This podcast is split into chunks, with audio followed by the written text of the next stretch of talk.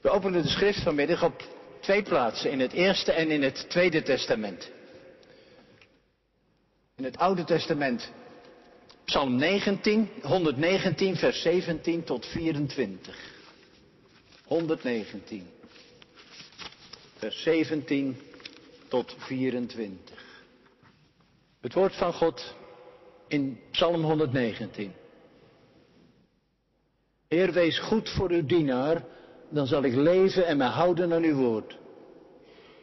Neem de sluier van mijn ogen, dan zal ik zien hoe wonderlijk mooi uw wet is.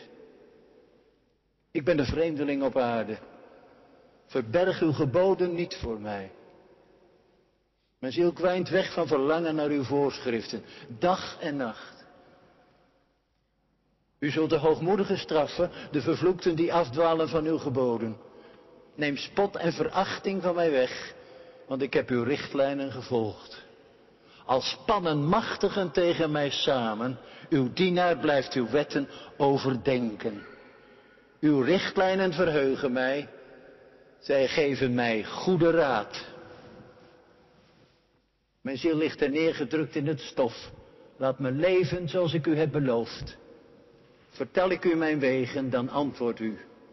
Onderwijs mij in uw wetten. Tot zover de eerste lezing. De schriften van het Tweede Testament openen wij in de eerste brief van Petrus. Petrus 1, vers 1 tot 4 en vers 13 tot 19. Twee gedeelten uit het eerste hoofdstuk van de brief van Petrus. Van Petrus, apostel van Jezus Christus, aan de uitverkorenen die als vreemdelingen verspreid in Pontius, Pontus, Galatië, Cappadocië, Azië en Bithynië verblijven. Door God de Vader voorbestemd om geheiligd door de Geest, gehoorzaam te zijn aan Jezus Christus en met zijn bloed besprenkeld te worden. Genade zij u en vrede in overvloed. Geprezen zij de God en Vader van onze Heer Jezus Christus.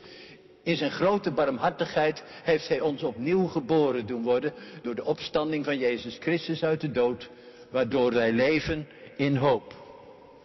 Dan vers 13 tot 19.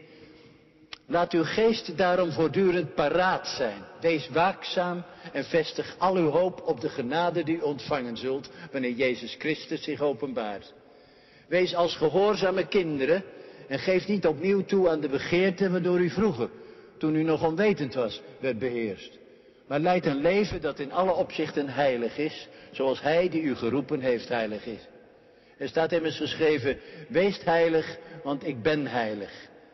En tot zover de lezing van de schriften.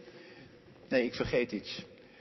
Ik ben op weg hier naartoe wat uit mijn concentratie gebracht. Vandaar dat ik het begin van de dienst even wat, wat zijsprongetjes maak. Neem me niet kwalijk. En aangezien u hem die iedereen beoordeelt naar zijn daden zonder aanzien des persoons vader noemt, moet u tijdens uw leven als vreemdeling ook ontzag voor hem hebben. U weet immers dat u niet met zoiets vergankelijks als zilver of goud bent vrijgekocht uit het zinloze leven dat van uw voorouders had geërfd, maar met kostbaar bloed van een lam, zonder smet of gebrek van Christus. Hier eindigt de lezing. De woorden waar het in beide lezingen over gaat is vreemdeling. Ik ben een vreemdeling op aarde. Hoe zit dat? Hoe kan dat? Hoe gaat dat? Daar wil ik met u nadenken. Ja, gemeente, het was een verrassing voor mij dat er twee kleinkinderen van me meekwamen. Die willen opa ook wel eens aan het werk zien. Maar hier zitten ook twee kinderen. Fijn dat ze meegekomen zijn. Ik ga iets tegen jullie zeggen of je het helemaal begrijpt, maar ik doe mijn best. Er was een klein jongetje in de grote stad. Met zijn vader en moeder.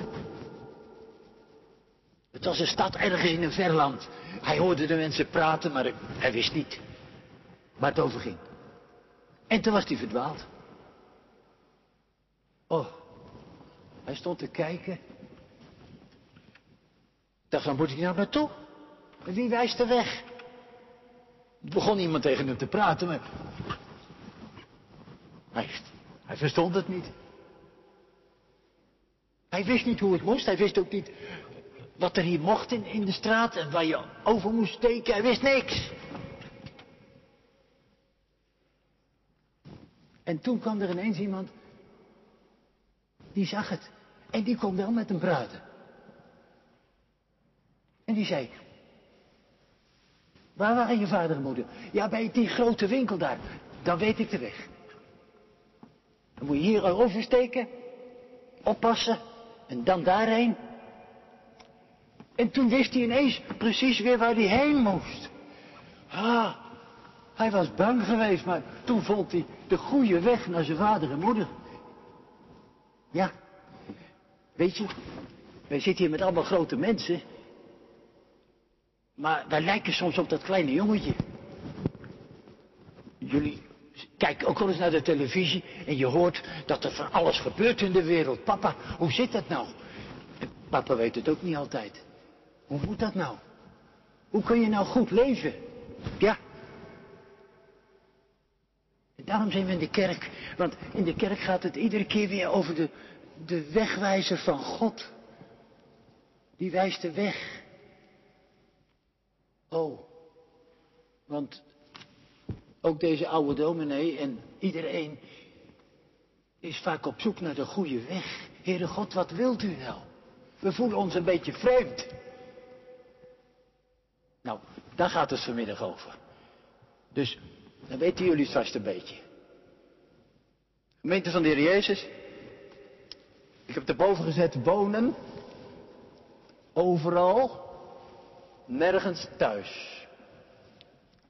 Lied uit het, een lied van Huub Oosterhuis. En na het amen zingen wij samen weer twee coupletten uit de psalm van de woorden, van de weg. Psalm 119, vers 60 en 63. Ja, gemeente van Jezus Christus. Wonen overal, nergens thuis. Zou dat het zijn als je vreemdeling genoemd wordt, zoals we lazen? Ik voel me vaak op allerlei plaatsen best wel thuis. Gisteren dan kon ik niet, anders had ik mij thuis gevoeld bij mijn Katwijkse voetbalclub. Tussen de, de makkers die ik daar ken. Het gaat niet altijd zoals ik wil, maar met die mensen voel ik me thuis. Op, op de camping kun je je thuis voelen, tussen Jan en alle man. En in de supermarkt. En straks gaan we op vakantie naar Schotland. Daar voelen we ons ook best thuis. Op mijn gemak ook. Maar het kan ineens omslaan. Je vlucht weg van waar je bent. Niet meer op je gemak. Soms vluchten mensen uit huis weg. En soms zou je, als je wilt, even van jezelf weg willen vluchten. Je bent een vreemde geworden. En dan zijn we dus mensen die de vreemdeling onder ons best begrijpen, mag je verwachten. Wij hebben dat woord vreemdeling in de Bijbel staan. Petrus schrijft aan een gemeente en noemt ze, verstrooid in dat Romeinse Rijk, een groepje vreemdelingen. En met Israël mee zingen wij in de psalmen, zoals vanmiddag, ik ben een vreemdeling, een gast op aarde. Dietrich Bonhoeffer begint een prachtig stuk in zijn brevier op die manier. Het is een boeiend stuk, zoek het eens op. Weet u, die kerk is eeuwenlang in Europa zo ingeburgerd dat Europa een beetje haar gebied werd. En waarheen pelgrims, waarheen gaat gij? Ja, dat is voor bijzondere diensten of stemmingen. Maar dat was meestal geen lijflied. De echte vreemdelingen, dat waren die anderen. Die daar. Niet van hier.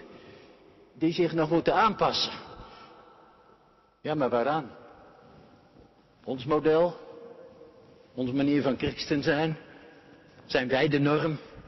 Vaak lijkt dat erop. Gemeente, als dat woord wegvalt, vreemdeling, dan heeft de kerk haar wortels vergeten. Abraham, Israël, het boek, de vijf boeken, Tenach, het hele Oude Testament, Tenach, zijn allemaal verhalen van vluchtelingen. Daar komen we vandaan. En met die vluchtelingen delen we het, de verwachting van het rijk van God. Daarin zijn we onderweg. Maar Israël gooit de kerk nogal eens voor de voeten, terecht. Jullie leven alsof jullie daar al zijn. Hoe kan dat? Israël, ja. Dat vierde onlangs Pesach. Als ik het kort samenvat in een kinderlied. Er wordt gezongen en gevierd. Wij zijn uit Egypte bevrijd. Wij, die, Joodse, die Joden van deze tijd. Tegenwoordige tijd, geen verleden tijd. Wij zijn uit Egypte bevrijd. Wij zijn een keertje uit dat land getrokken. Wij zijn geen slaven meer. Het waren als je Pinkhoff zong het met de kinderen in Bergen-Belsen. Ja, ze komen uit Egypte. Het land van Farao. Waar ze als gemarginaliseerde aliens en outsiders leefden. Een wereld met een top-down systeem.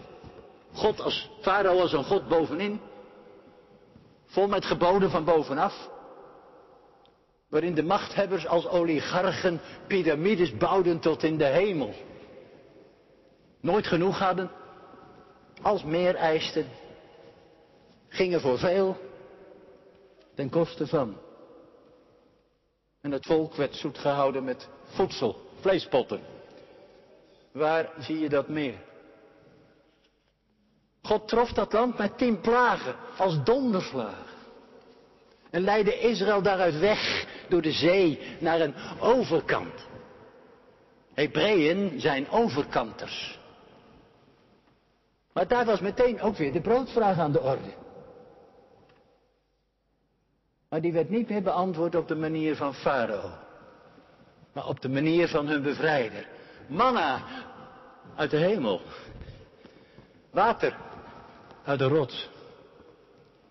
Om meteen te leren, jij leeft niet van wat je als woegend zelf maakt, maar van wat jou wordt gegeven van boven. En de vraag vanaf dat moment speelt Israël. Welk leven kies je? Onder leiding van Farao met zijn economisch systeem of in een verbond met deze God? Een God die gaat voor een nieuwe orde. Weer spreekt die God tien keer met de tien spelregels van het verbond. Als eerste spelregel, blijf bij deze God, want die heeft jullie bevrijd. En de tiende, de laatste, doe niet meer mee met haar leven, het leven van Egypte, vol inhaligheid, gierigheid, winstbejag, ten koste van je naaste. Zo niet. Je denkt meteen aan 2022. Met de huidige rijk-arm verhouding. Met wereldwijd miljoenen gedupeerden door de fouten van bestuurders of door de macht van de multinationals. Ook al zijn sommige optimisten, zijn er optimisten die dit land nog een gaaf land noemen. Vraag me af welke bril ze dan op hebben. En tussen dat eerste en dat tiende gebod, blijf bij je bevrijder. Leef niet zo Gedenk de Sabbat. Laat er één dag zijn van ophouden. Pas op de plaats. Een dag die al onze visieuze cirkels doorbrengt. En aan die Sabbat vast zit de prachtige gedachte van het Sabbatsjaar. Iedere zeven jaar. En zeven keer zeven jaar het jubeljaar. En als je dat bekijkt van dichtbij, dat was de nieuwe orde na Farao. Daarin wordt de zorg benadrukt voor een sociaal vangnet. Cancelen van schulden. Het weren van een altijd durende kloof arm-rijk. En het onvervreembare recht van de armen op de bronnen van de gemeenschap. Het is nog altijd de vraag. Wie durft het in deze wereld aan met de ordening van de Torah? Israël had er moeite mee. In Canaan. Met na de orde van de farao die van de Baals. Verschilde niet veel. En het bleef zingen. Psalm 39 bijvoorbeeld. Ik ben een vreemdeling bij u te gast. We zijn er nog niet. En het moest zijn weg zoeken bij die ene lamp van de woorden van de Torah. Die telkens weer om overdenking vragen. Je bent er niet meteen. Die telkens weer om interpretatie vragen. Je bent er niet meteen uit. Ze zijn recht voor alle tijden, zingen we. Maar hoe doe je dat in die verschillende tijden? Prachtig. Er groeit een hele talmoed achteraan. En het gaat maar door, alle eeuwen door.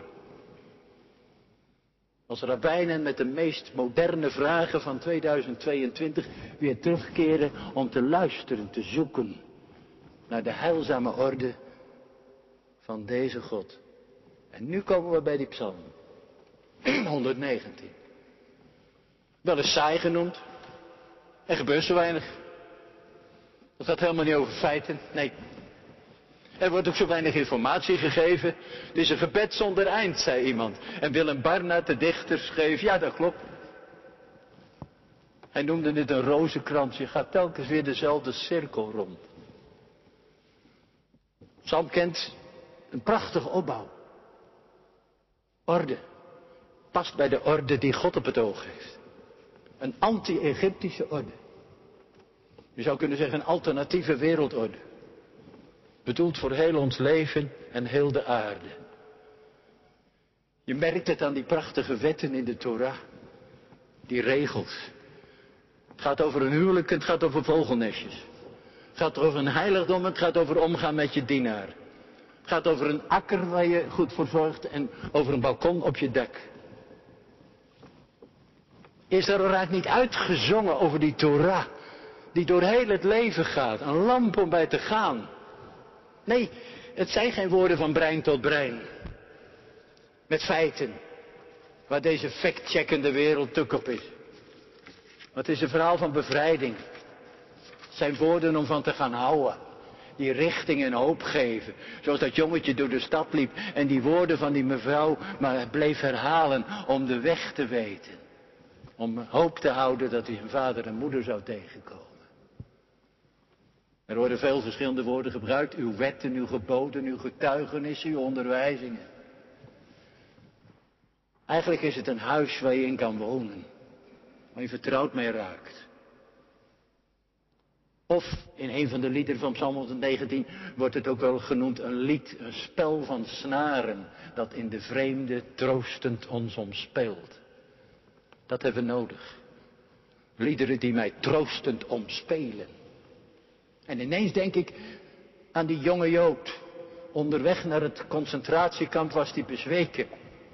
En als enige bagage troffen ze aan, niet zijn agenda, maar zijn psalmboek. Ik dacht, daarmee ging hij tegen de hele liturgie van het nazidom in.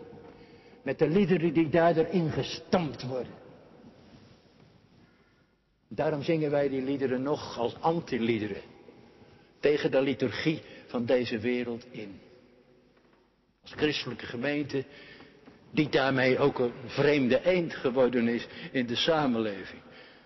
Ja, overal nergens thuis. Wij overdenken dit woord kort na Pesach en Pasen. We lazen Peters brief aan de vreemdeling, verstrooid. Je mag ook vertalen uitgezaaid. Levend in het Romeinse Rijk. Als mensen van die cultuur daaruit gehaald waren ze gedoopt. Met Christus mee in hun doop hadden ze hun oude leven achtergelaten en waren ze opgestaan, wedergeboren. Zoals hier nog steeds kinderen worden gedoopt door het water heen om nieuw te leven. En zoals Israël de gang door het water maakte, uit dat leven in het rijk van Farao en in het zinvolle verband van de eeuwige terecht kwam, zo christenen. Ik ben op zekere dag ooit in Utrecht hier gedoopt, in 1940, ben ik tot mijn verbazing mens van de overkant geworden. Is mijn kleine naam vastgehaakt aan de naam van de Heer. Kijk terug. En we leven hier. En we zijn erbij. En oh wee als we weglopen. Oh wee als we wegdromen. Daar zegt Bonnever ook prachtige dingen over. Maar we zijn niet van hier. Nieuw geboren loop je over de wereld. En daar ligt de orde klaar van de moderne farao's. Een wereld die ons omspeelt met haar beeld en haar geluid. En ons haar verhaal opdringt. En zegt, wij komen er ook in voor. Die mij en mijn kinderen zoet wil houden met haar brood en haar spelen. We zijn overkanters. Bestemd niet om de status quo van deze wereld in stand te houden. Met al haar vanzelfsprekendheden. Maar om te gaan voor de orde van de Torah. Voor het rijk van God. Willem Barnett schrijft in zijn doopbrief, we zijn ontrokken aan het vanzelfsprekende leven dat ons eigen is en voorbereid op een verwachting die niet te bewijzen valt. Nee. We zijn niks beter dan de wereld om ons heen, die je straks gewoon weer tegenkomt. Alsjeblieft. Maar toch, wat is dat toch? Abraham bleek ook niet beter en Israël ook niet. Maar weet je wat het is gemeente? Ze hebben die roep, die stem in hun oren, die hebben ze er niet uit kunnen krijgen. Ze komen maar niet los daarvan. Als Michel van der Plas in zijn gedichten maar niet loskomt van die vreemdeling uit Nazareth. Dat kunt het ook niet verklaren. Ze zijn als Abraham dicht Willem bijna op de lange baan geschoven naar het rijkje boven. Of in een ander lied gevlogen uit het oude nest en getogen waar de geest ons wijst. De breeze van God. We leven van de wind. En nou begrijp ik dat gebed van Psalm 119 nog meer. Verberg uw geboden voor mij niet. uw Torah. Uw bevrijdende verhaal met zijn bevrijdende woorden. Zo niet. Dat niet. Dan voelen we ons als dat kind in die vreemde stad. Je weet niet waar je heen moet. Je verstaat het niet. Je dwaalt maar wat rond. Verberg niet uw Torah, uw bevrijdende verhaal, want je moet er niet aan denken in deze wereld aangewezen te zijn op je eigen koers en je verhaal zelf te moeten schrijven. Dan ben je stuur en richtingloos. Vragend met zoveel, wat doe ik hier? Wat moet ik nou? Waarheen gaat het dan? Het zijn vragen voor heel veel mensen van nu. Verstopt achter een gevel van geslaagd zijn, van optimisme, van feest en bezit. En toch ineens kom je eens op het spoor. Het lukt niet. En mensen die hunzelf het verhaal van hun leven moeten schrijven, zonder bevrijdende woorden die hen omspelen, of die een huis zijn waar ze in wonen. Leven met de feiten van alle dag, opgenomen in een Egyptisch leven, waar je uiteindelijk niet verder meer bent dan een artikel op de rommelmarkt van deze wereld. Een psalm zingt als afval weggesmeten. En wij zongen het in de lijdenstijd van de Heer die stierf. Ja, anders moet je het doen met alle coaches van deze wereld. Met alle cursussen die worden aangeboden. Om die angst gaat het hier. Met het oog op ons en onze kinderen. Verberg niet. Geef ze het verhaal mee. Zingt Israël en wij met hen. Dat is de ene kant. Dus verberg niet betekent God laat ze te vinden zijn, die woorden. De andere kant is, je moet ze wel zoeken. Zoekend heb je ze. En telkens weer heb je ze zijn ze weer om te zoeken en weer om te vinden. Ze zijn zo kostbaar dat ze niet zomaar voor de grijp liggen. Daarom kun je ook op zondag even binnenlopen hier. Op zoek naar een huis om in te wonen. Het huis van de vreemdeling uit Nazareth. Om het een beetje vol te houden. Nee, niet om uit het volle leven te stappen, maar er straks gewoon weer in. Niet om, schrijft Bonhoeffer, vroegtijdig weg te dromen naar de hemel. Maar om, schrijft Petrus, om een heilig leven te leiden, daar buiten, tussen de mensen. Een heilig leven, dat is een leven waarin we het dagelijkse leven, alle gewone, alledaagse dingen heilig maken. Noem eens op waar je van de week naartoe gaat en bent en moet werken en zijn mee bezig. Petrus, al interpreterend, zegt tegen de christenen in zijn tijd, heilig leven. Dat gaat over, lees de brief maar, je huwelijk. Je werk. De spot van de mensen om je heen. Wij zouden misschien andere dingen noemen. Ik moest denken aan die hele cancelcultuur. Horen, in de fout gegaan, afgeschreven. En de kerk weet van een ander woord.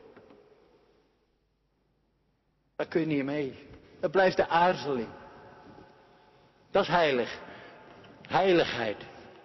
Dat is de barmhartigheid, woorden als barmhartigheid en gerechtigheid en trouw en liefde indragen in deze wereld. Er zijn zat mensen die misschien nooit in een kerk komen, maar die die woorden op hun lijf geschreven hebben. Je ziet ze, ze komen in beeld. Dat is heilig leven. Leven bij de woorden en verhalen van die Heer, die vreemdeling uit Nazareth. Met zijn antiverhalen over een zaaier. Wat moet je daar nou mee? En een bruiloft. En een herder. En die vreemde volgorde die gebruikt over de eerste en de laatste. En de grootste en de kleinste. En over wat hij kan met vijf broden en twee vissen, dat is genoeg voor overvloed. Hij vermenigvuldigt. Dat zijn woorden, gemeente, die hebben ons een andere blik geleerd op deze wereld en op de mensen en op het nieuws. Daar gaat het om. Dat is heilig leven. Ja, en als dan de vreemdeling van vandaag zich meldt, noodgedwongen, om te ontkomen aan de farao in hun land, aan een systeem dat ze van hun menselijkheid berooft, dan herinneren we ons, hé, hey, wij zijn vrijgekocht, schrijft Petrus uit een uitzichtloos leven opgeraapt en goed verzorgd, wonend in het huis van de hoopvolle woorden. We heten ze welkom. Wij zijn ook gasten en vreemdelingen bij God. Een opvang in de regio, heel deze wereld is zijn regio. Het zet alle dingen, alle discussies in een ander licht. Ik betrap me erop dat ik soms ook weer meedoe in de stijl van. En iedere keer heb je die correctie weer nodig. Waarom zouden we niet opschuiven en plaats vrijmaken om Christus wil?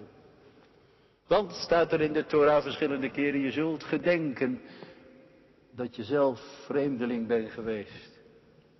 Oh. Met dat binnenpretje gaan we deur door. Op weg. De stad in, het leven in. Waar we hoe en dankbaar ook voor zoveel goeds hopelijk een mooie dag verder nog beleven. Blij zijn met iedere dag ons hier gegeven. En zingen, Huub Oosterhuis vraagt in die drie liederen, wonen overal nergens thuis. Ja, ik denk het wel. Tweede couplet, wonen overal even thuis. Ja, dat ook wel. En het laatste couplet, wonen overal bijna thuis. Ja, wat dacht je? Met zo'n vreemd lied gaan we naar buiten. Ik eindig met de woorden van Oosterhuis in zijn eigen lied. Mensen veel geluk. Amen.